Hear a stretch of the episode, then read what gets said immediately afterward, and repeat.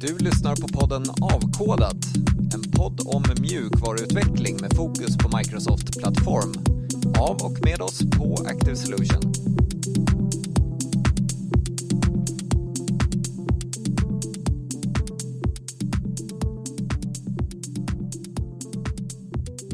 Så, varmt välkommen till Avkodat. Och idag är det förutom jag, Robert Folkesson, Cecilia Wirén. Och Johan Lindfors. Så, jättekul att eh, Johan, du ville vara med oss idag. Du jobbar ju på Trusec. Vi känner varandra sedan långt tidigare. Vi har jobbat tillsammans på Microsoft och vi har haft väldigt mycket att göra med varandra ute i communityn och sådär efter det också. Eh, du är Chief Innovation Officer, tror jag din titel är på, på Trusec nu. Det stämmer, det stämmer. Superspännande låter det. Ja, vad gör en sån? Ehm, jag har tre stycken roller egentligen på, på Trusec.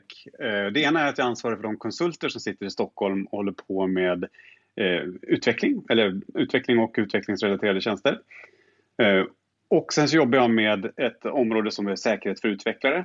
Men i min innovationsroll så håller jag på att bygga upp eh, digitala förmågor egentligen, digitala komponenter som Trusec kan skala ytterligare på eh, och hjälpa ännu fler kunder utan att på det sättet bara behöva ha personer som kan hjälpa kunder. Vi, vi försöker bygga upp eh, digitala förmågor egentligen med hjälp av ett internt utvecklingsteam.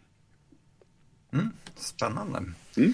Så vi har ju bjudit in dig idag för att prata om säkerhet för utvecklare. Säkerhet är ju så liksom enormt brett område och det, det vi skulle omöjligen kunna täcka in annat än en liten, liten begränsad del eh, i, den här, i det här poddavsnittet. Då. Så att vi avgränsar oss till säkerhet för utvecklare. Och eh, jag tänker att det finns utmaningar idag för utvecklare att eh, som hålla koll på säkerhet och ta till sig allting som händer kring säkerhet. Och eh, man ska säga att det kanske inte har funnits samma kultur kring att anamma ett säkerhetstänk som det har till exempel att anamma ett kvalitetstänk i övrigt. Till exempel att testa saker, att, att bli bättre på testning, att ha med det i sitt liksom, software craftmanship. Kan, kan det ligga någonting i det? Det har legat liksom lite utanför utvecklarens roll tidigare. Absolut, plus att det är ganska jobbigt att säga att du är duktig på säkerhet. Därför det, det ställer direkt ganska stora förväntningar på att du kan lite mer än någon annan. Och i och med att säkerhet ofta är relaterat till en risk och någonting som är ganska otäckt och kan kosta väldigt mycket pengar så är det svårt att ta ansvar för just den delen. Det är väldigt sällan en person vill göra, ta, ta på sig den rollen själv. Sen vill jag också påstå att den senaste tidens DevOps-fokus, alltså fokusera på eh, agilt, agil utveckling, korta sprintar, eh, kontinuerliga utrullningar, nya releaser hela tiden, inte heller egentligen har varit den bästa förutsättningen för att jobba säk med säkerhet. I och med att leverabeln blir så otroligt viktig eh, och det ska hela tiden komma ny funktionalitet. Att då säga att nu ska ni också jobba lite mer med säkerhet eh, kommer ju potentiellt att sänka velocityn eller hastigheten eller det, det vi kommer göra. Eh, det som vi kan, kommer att leverera den här sprinten eller närmsta tiden. Och det är inte heller så många som vill köpa in på och säga att Nej, men vi tar den, tar den smällen. Så det är svårt att prioritera in säkerhetsarbetet. Det kanske till och med var lite lättare i en enklare vattenfallsmodell där man kunde göra det väldigt mycket mm. tidigt och, ehm, och, och, så, så vart det säkrare i slutändan. Så vad det egentligen har lett till, tyvärr, är att säkerhetsarbete hos utvecklare idag generellt är ganska reaktivt. Det är först när någonting händer som du eh, tittar på vad är det som har gått fel och så försöker man att laga det, eh, den luckan. Ofta gör man det via penetrationstest eller pentester som det kallas. Eller, eh, mm. i, i, i, jämna cykler, en gång i halvår eller en gång om året, någonting, så gör man pentester på systemet så hittar man, får man en rapport med en drös av sårbarheter. Och sen så kommer den rapporten i knät hos någon som sedan ska försöka laga det här. Men fortfarande så måste vi hålla uppe samla, samma hastighet inom sprintarna. Och därför passar inte riktigt den, här, den reaktiva säkerhetstestningen som sker lite stötvis i, i, i den processen som vi använder idag. Och därför börjar man nu prata om DevSecOps eller SecDevOps eller DevOpsSec. Det där är olika benämningar. Man vill ha SEC alltså, i mitten. Ja, jag tycker också det. Och det, jag håller med. Och det, och det, är också därför att säkerhet i det här perspektivet eh, är ingenting som görs under en specifik iteration eller en specifik del av processen, utan det ska, det ska vara en naturlig komponent av allas arbete. Så det är egentligen allas mm. ansvar att bli lite mer säkerhetsmedveten. Okej, okay, så att det man inte ska göra är att kalla in säkerhetsexperten på slutet och så ska den sätta någon stämpel på det utan eh, det här ska vara ett mindset och, och verktyg och, och, en del i en kontinuerlig process som man jobbar med. Sen kan det ju vara bra att få en verifiering också. Men Helt rätt. det ska vara del i varje steg. Du ska, du ska vara medveten om vad du, vad du får för resultat av det som du begär in också. Om du får in en rapport från en säkerhetstestare med x antal luckor, x antal sårbarheter, då måste du också ha utrymme i din planering för att laga de problemen och ge också mandat till personer som säger att det här kan vi inte leva med, vi måste fixa det här. Och att de då får egentligen eh, tid att avsätta för att se till att de här sårbarheterna blir lagade. Och inte bara det, att man faktiskt går till roten med problemet. För sällan är det ju så att, att någon vill egentligen skjuta ut dålig kod i systemet som orsakar sårbarheter eller läckor eller dataintrång. Utan det är på grund av att man inte har kompetensen hur det här ska byggas på riktigt sätt. Vi, eller, vi pratar väldigt mycket, men generellt en term som används väldigt mycket inom säkerhet och säker utveckling är push left eller shift left. Vilket egentligen går ut på att flytta sig från att vara väldigt reaktiv i sin säkerhetsförmåga till att vara proaktiv. Och alltså så tidigt som möjligt i processen, i iterationerna eller i arbetet runt en mjukvaruutveckling se till att göra säkerhetsaktiviteter. Och det finns saker som kan göras redan på kravspecifikationssidan när vi börjar egentligen när, när företaget drar igång en ny mjukvaruutveckling, vad kan vi göra då? Vi kan göra en mognadsanalys på hur, hur medvetna är vi om vår säkerhet? Vår eh, byggpipeline som vi kommer bygga upp. Vilka krav har vi från lagar och regler? Eh, vad har vi för kompetens inom företaget när det gäller säker utveckling och säkerhet generellt? Den här kartan kan vi sedan använda och säga att det här är vår baseline, eller det här är vår bas, baskarta, vår, eh, ja, baseline. Och sen så vill vi säga att nej, men vi vill inte vara på den låga nivån i det här området, kompetensutveckling exempelvis. Vi vill vara på den här nivån. Och sen så planerar man aktiviteter kontinuerligt för att komma dit under en viss perspektiv, under en viss tid, säg 12 till 24 månader eller någonting. Men också då som kontinuerliga aktiviteter under hela tiden vi, vi jobbar. Och det här push left och shift left är ju någonting som väldigt många andra förmågor också skulle må väldigt bra av. Egentligen kan man säga att alla saker som egentligen vi hittar sent i projekten kostar ju väldigt mycket pengar och tid och resurser för oss. Så ju tidigare saker, ju tidigare projekt där vi kan hitta och undvika utmaningar som vi sedan kan stöta på i senare projektet, desto billigare är det för oss att hantera det i alla perspektiv, både resurser och pengar och tid. Så därför vill man försöka skjuta så mycket av säkerhetsarbetet till så tidigt i projektet som möjligt. Just det. Ehm, jag tänkte, när man, du nämnde pengar och, och också i, du nämnde liksom vad, vad har företaget för fokus? Jag menar, är ett 100% säkert system realistiskt? Nej, absolut inte. Nej. Och då, då måste man ju välja någon slags en nivå. Det här måste ju vara affärsmässiga beslut, eller hur? Absolut, absolut. Och, och, verksamheten måste ju bestämma sig för det som vi kallar för sin riskaptit. Och det är egentligen, mm. vad är vi beredda att acceptera för risk i system? Och det gör man ju enbart genom att vara medveten om vilka potentiella sårbarheter vi har. Egentligen, om du inte vet hur, da, hur bra eller dålig du är på säkerhet så du, kan du inte säga att du accepterar risken. För det kan ju vara, den kan ju vara hur stor som helst. Men genom att göra exempelvis ett tidigt säkerhetsarbete där man tittar på kompetensprofiler och eh, mognadsanalys på företaget, koppla det sedan till exempelvis hotmodelleringsövningar där man tittar på arkitekturen av, av lösningen som vi håller på och bygger, eh, ifrån dataflöden exempelvis, vilket är det vanligaste, som tittar på hur data flödar fram och tillbaka i systemet, ofta via arkitekturdiagram.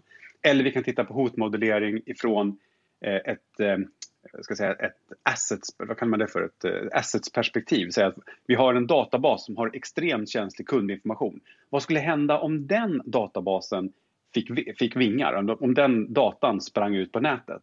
Det är ett annat perspektiv från hotmodellering. Och det tredje perspektivet just nu är det man tittar ifrån ett externt perspektiv och säger att med den kompetensen vi har av hur hotaktörer, alltså elaka cyberkriminella jobbar. Vad, på det sättet som de jobbar idag, hur utsatta är vi för de aktiviteterna som de gör? Exempelvis om de använder vissa verktyg eller vissa vektorer eller vissa ja, processer för att attackera system. Så man kan titta på hotmodeller från ett system på olika perspektiv. Och när man gör det så är det inte syftet att man ska hitta alla sårbarheter som finns i systemet, utan det gäller bara att höja medvetenheten och säga att nu är vi lite bättre på att förstå vilka sårbarheter vi potentiellt kan ha i systemet. Och sen ska man också vara medveten om att det inte finns några, det finns egentligen inga direkta skydd. Det finns egentligen inga som säger gör vi det här så kommer ingenting att hända. Det finns egentligen bara skydd som kan minimera sårbarhet eller minska eh, blast radius pratar man också om. Att, att försöka minska impacten av, av en säkerhetsutmaning.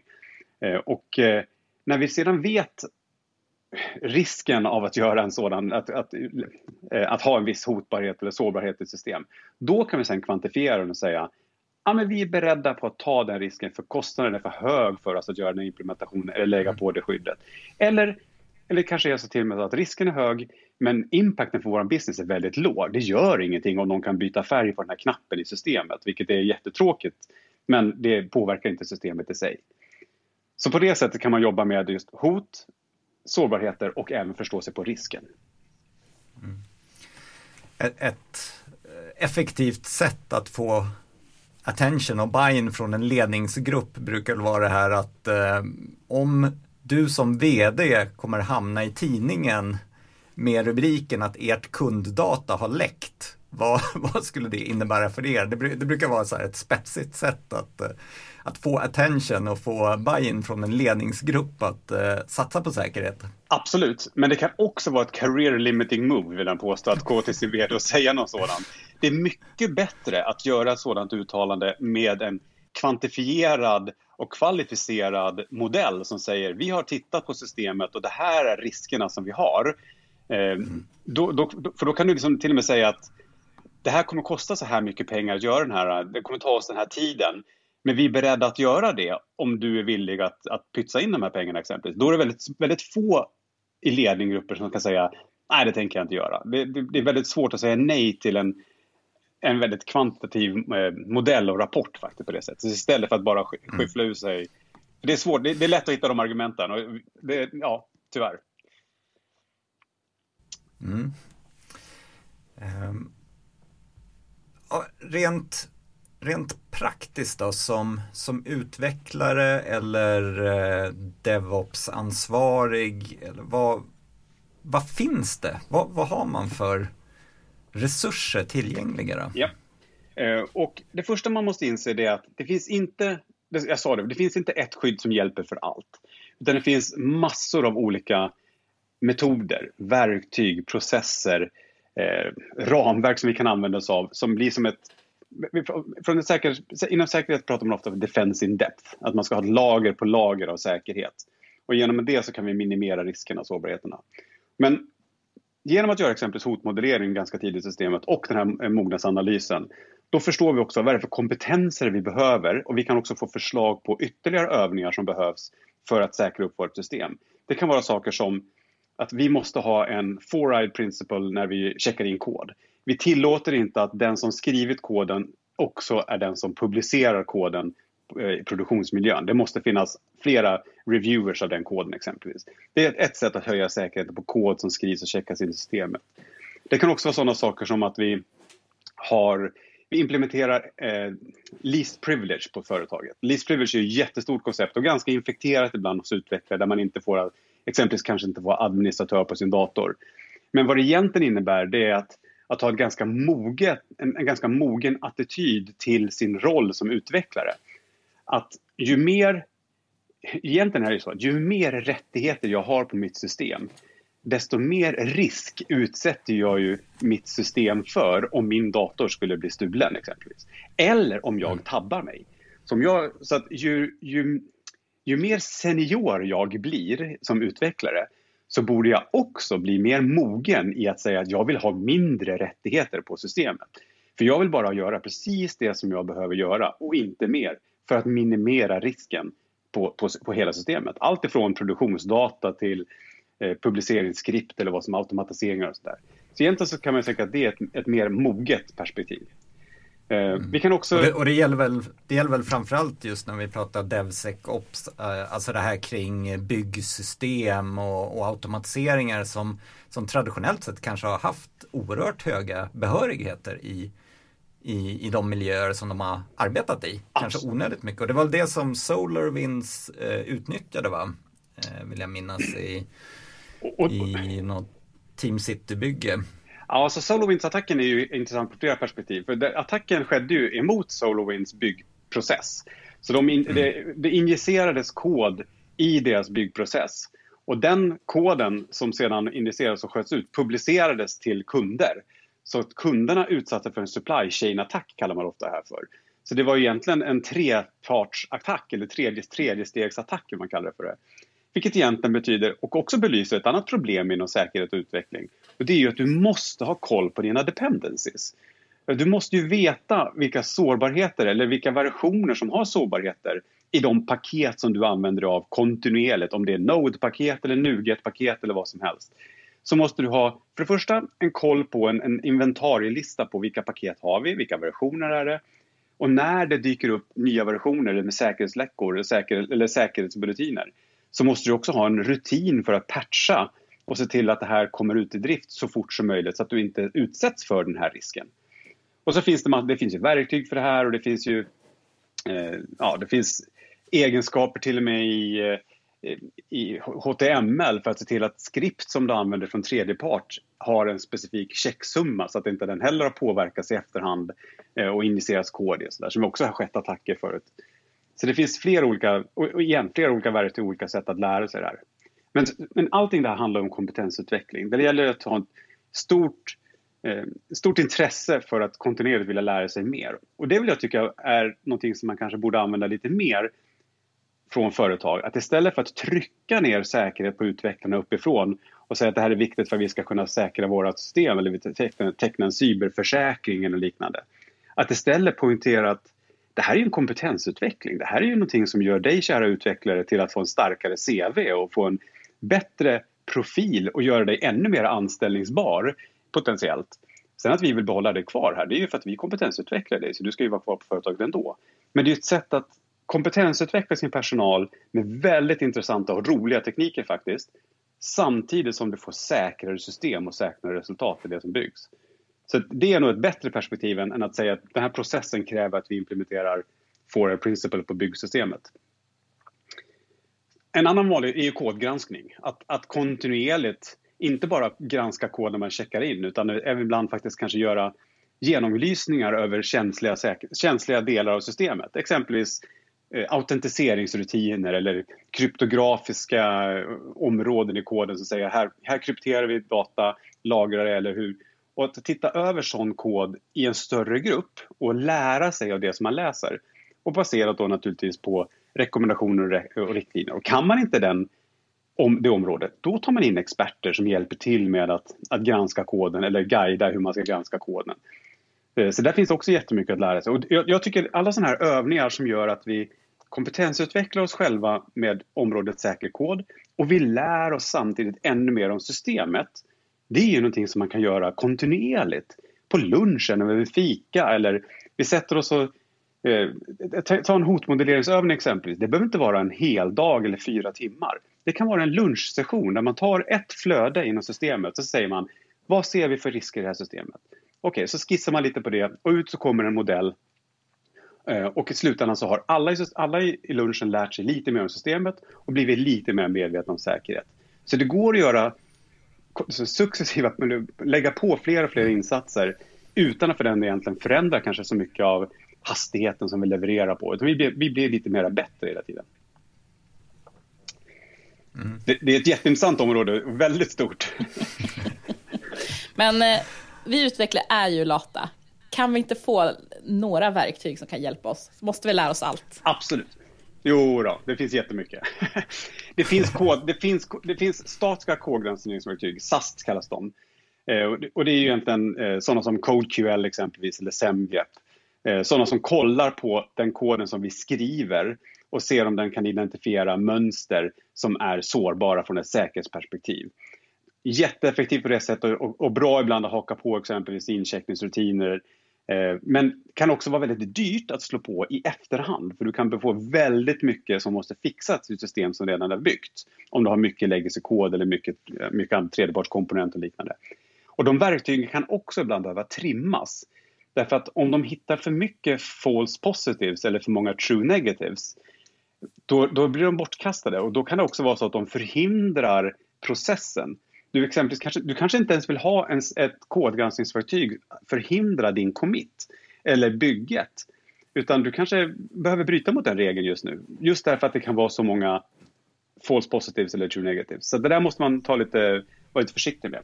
SAS är ett perspektiv. Mm. Dust är det andra. Det är dynamisk kodanalys. Det är egentligen en analys av koden som faktiskt körs. Den som har blivit kompilerad eller interpreterad.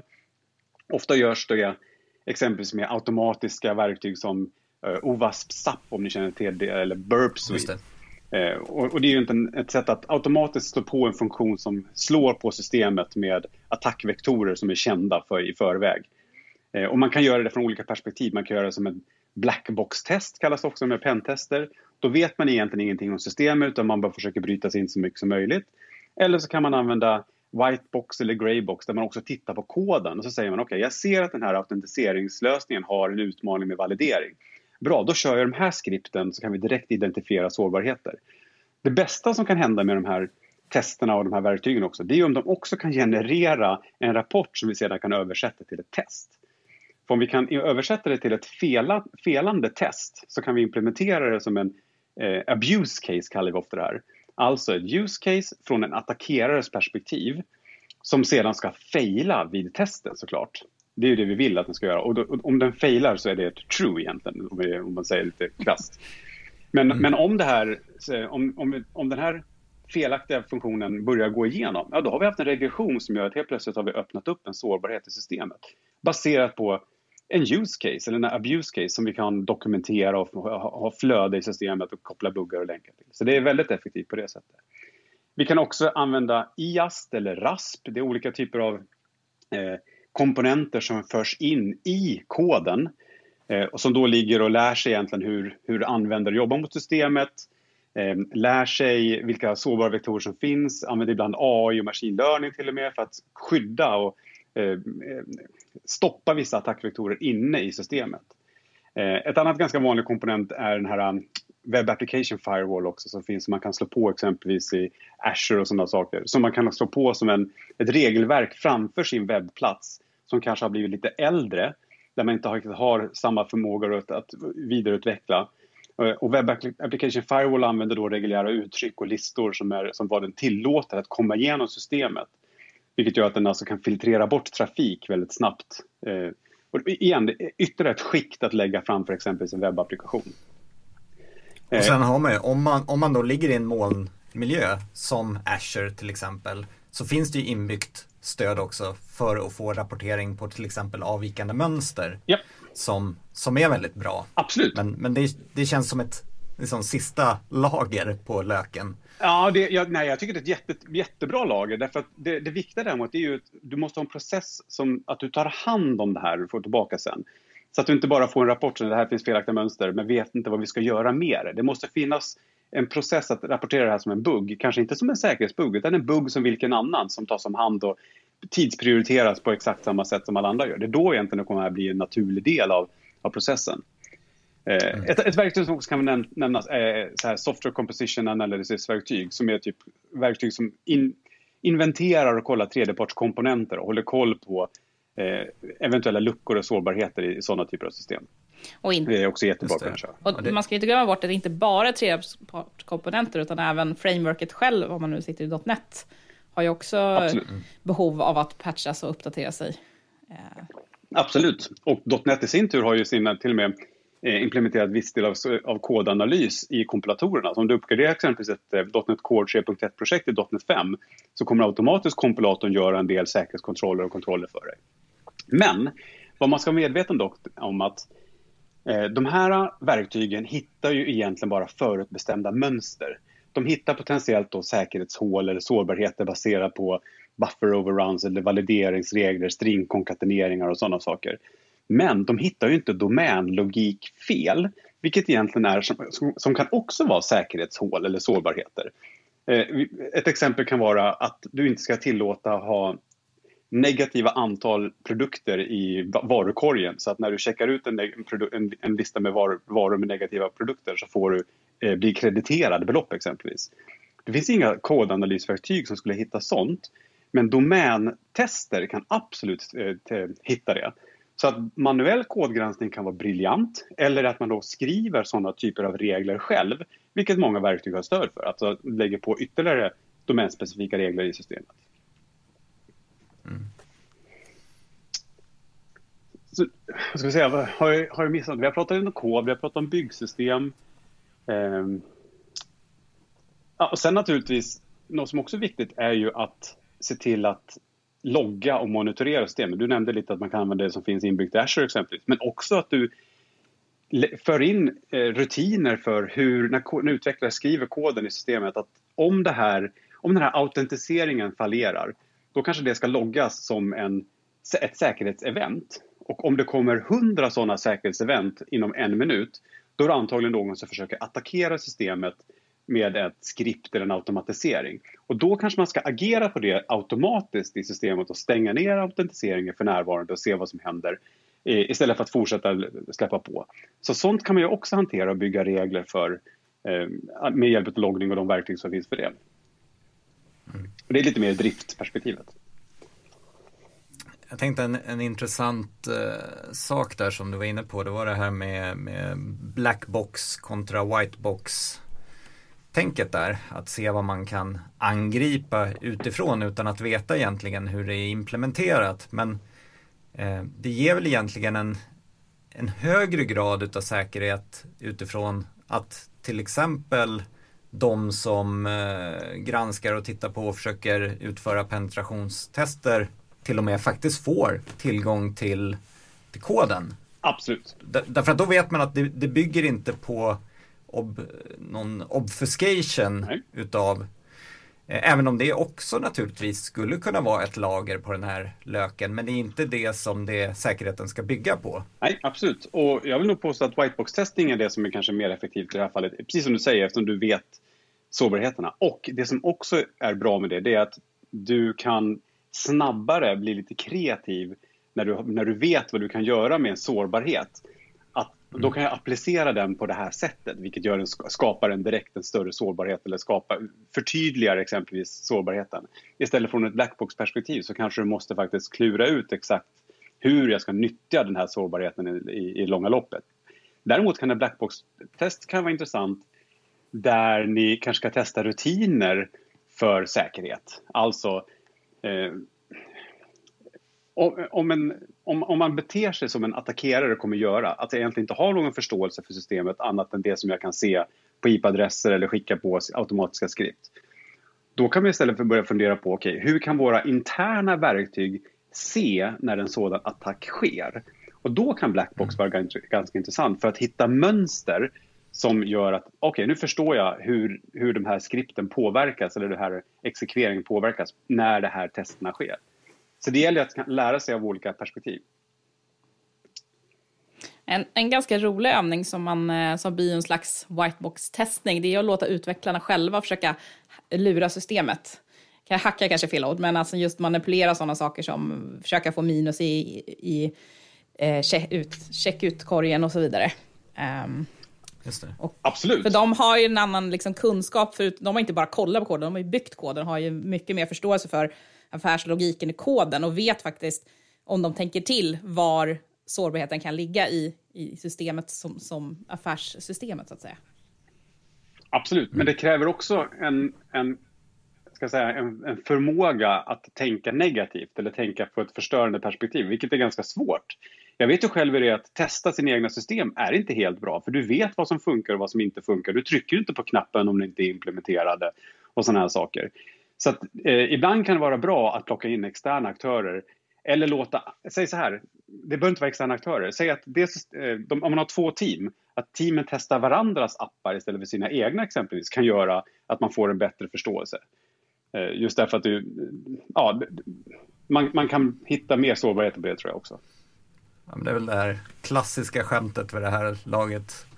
Man testar en bar, så man testar att beställa en miljard öl och man testar att beställa minus en öl och man testar att beställa en juice och man testar allting och sen så kommer första kunden in och frågar vad toaletten är så brinner hela baren upp. ja, just det, ja, precis. Men sen finns det också sådana perspektiv som att, att, att vi utvecklare måste bli bättre på att bygga, bygga in säkerhet från grunden som det, det, det bästa alternativet. Vi pratar om usable security. Alltså att se till att Eh, att inte, för, att inte försvåra för användarna, för användarna är lata och användarna är också smarta. De kommer försöka gå runt komplexa rutiner på så många sätt de bara kan. Eh, och därför måste det, det som vi bygger som säkerhet måste vara det bästa alternativet från ett användarperspektiv. Och det kan vi också applicera även på ett utvecklarperspektiv. Vi pratar ibland om golden paths och guardrails, vilket kan vara exempelvis att, att dokumentera, eh, om man har flera team exempelvis i system. Eh, ett, ett team har en, en, riktigt bra säkerhetsstruktur på byggprocesser och kodgranskning och liknande. Dokumentera den processen som infrastructure as code eller security as code, skript som sedan kan checkas in i systemet och liknande för att versionshanteras och återskapas vid, vid, om någonting händer.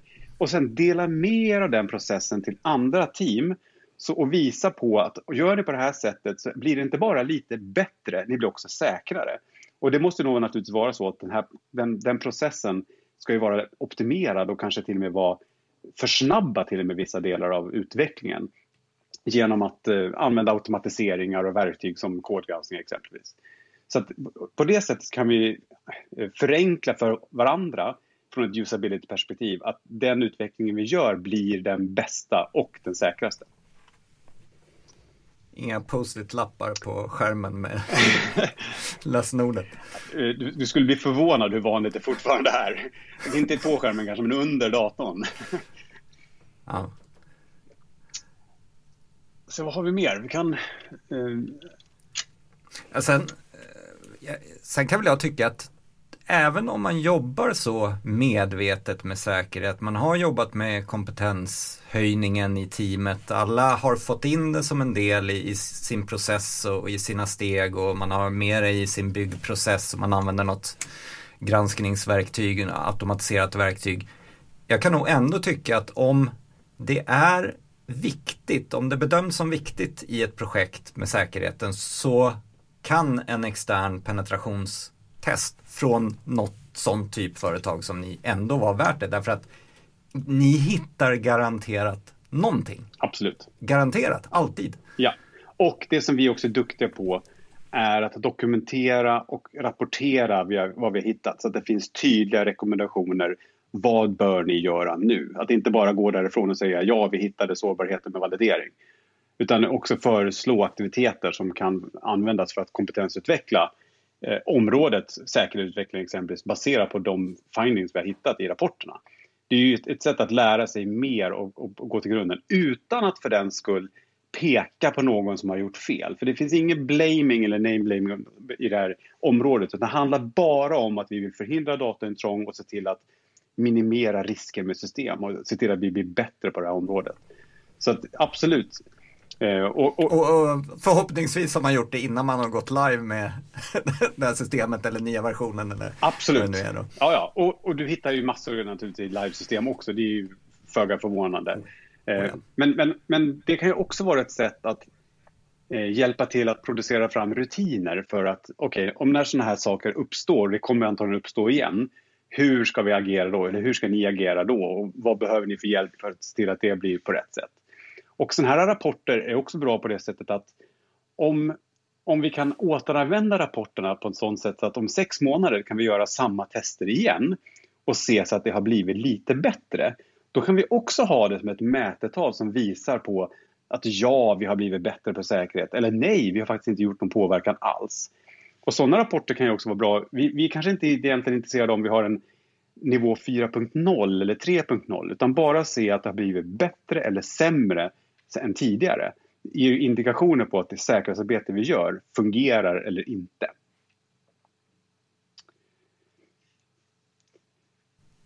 Så då gör jag en ledande fråga till mig själv. Så var börjar man någonstans?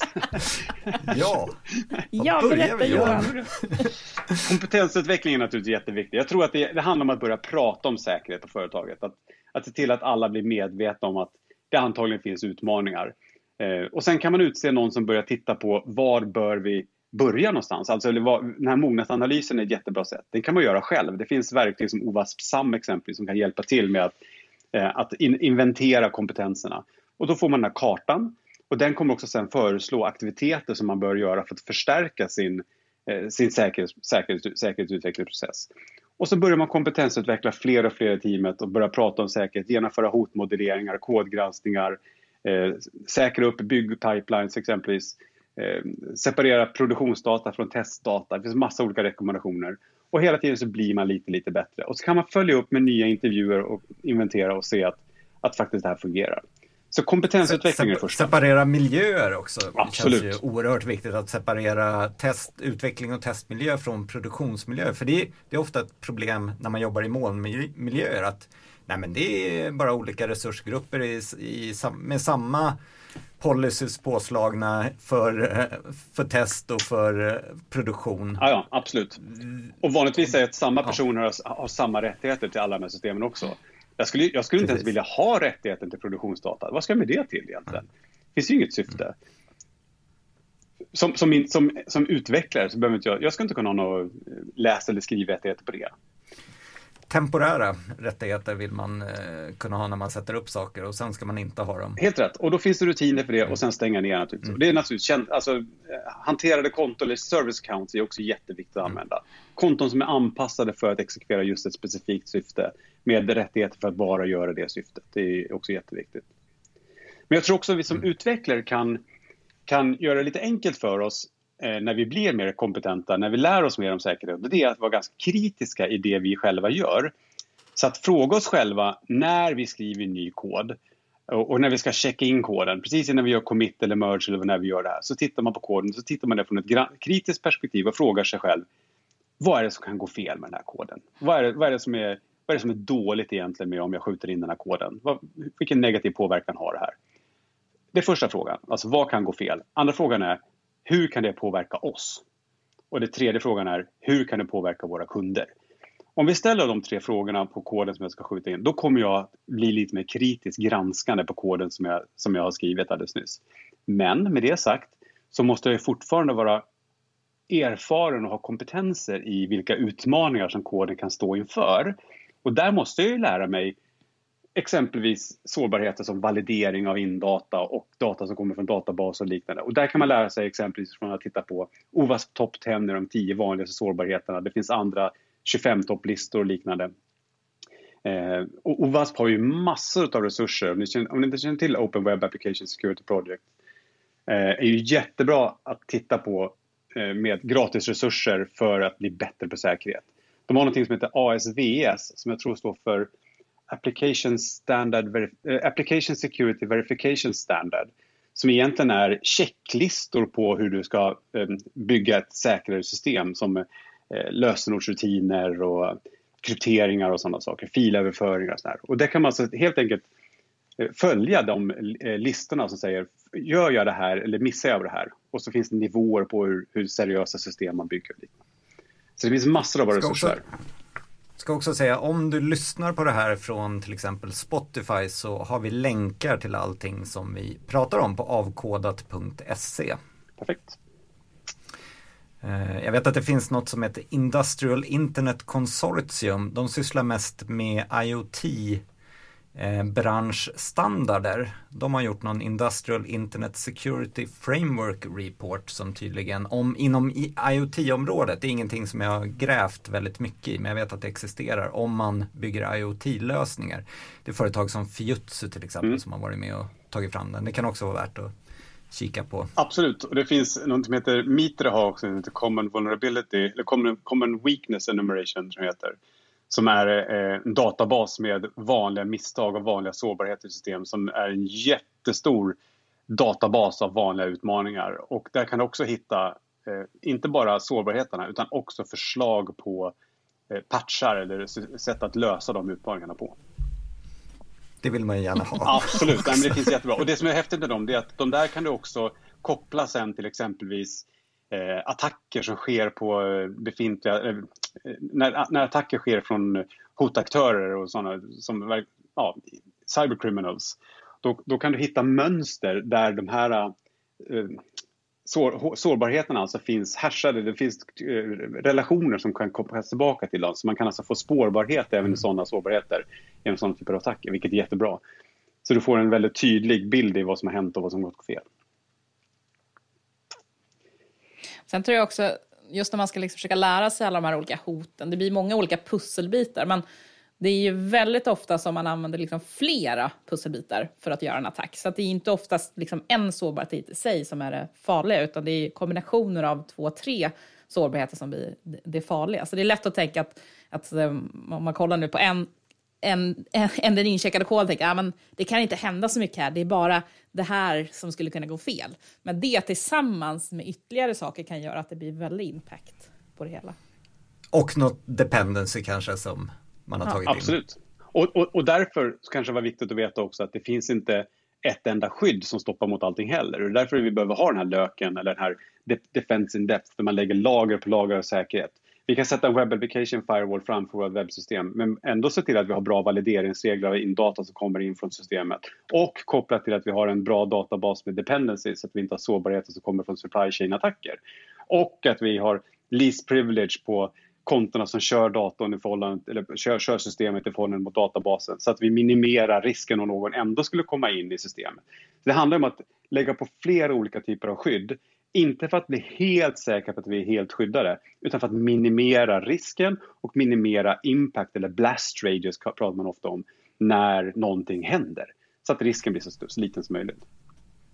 Och det, det är en annan intressant fråga sen om någonting trots allt händer, vad gör man då? Vad är kontaktvägarna? Hur agerar man? Vad, vilka ska vara involverade? Hur, liksom, vad är stabsläget när något allvarligt har hänt? Verkligen. Eh, och och det, det är nog, det är ju mer, det är en verksamhetsfråga i stort men eh, och det är nog värt ett helt eget avsnitt om vi ska prata om det. Det, det är lite som att ha en brandövning. Men det är viktigt. När branden kommer ja. Precis.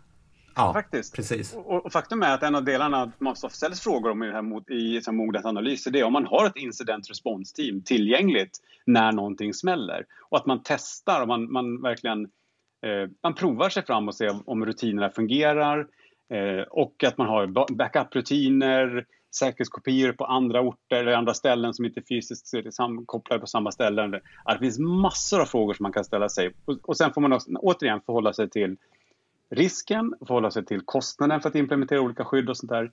Men, men det finns jättemycket förslag på hur man kan bli bättre hela tiden. Mm. Coolt! Ja, det, det, här är ju ett ämne som vi, vi skulle kunna fortsätta att prata om säkert 45 minuter till. Men jag vet att du ska iväg och träna karate Johan. Mm. Så det ska du få göra också. Eh, du har en session på Devsam också.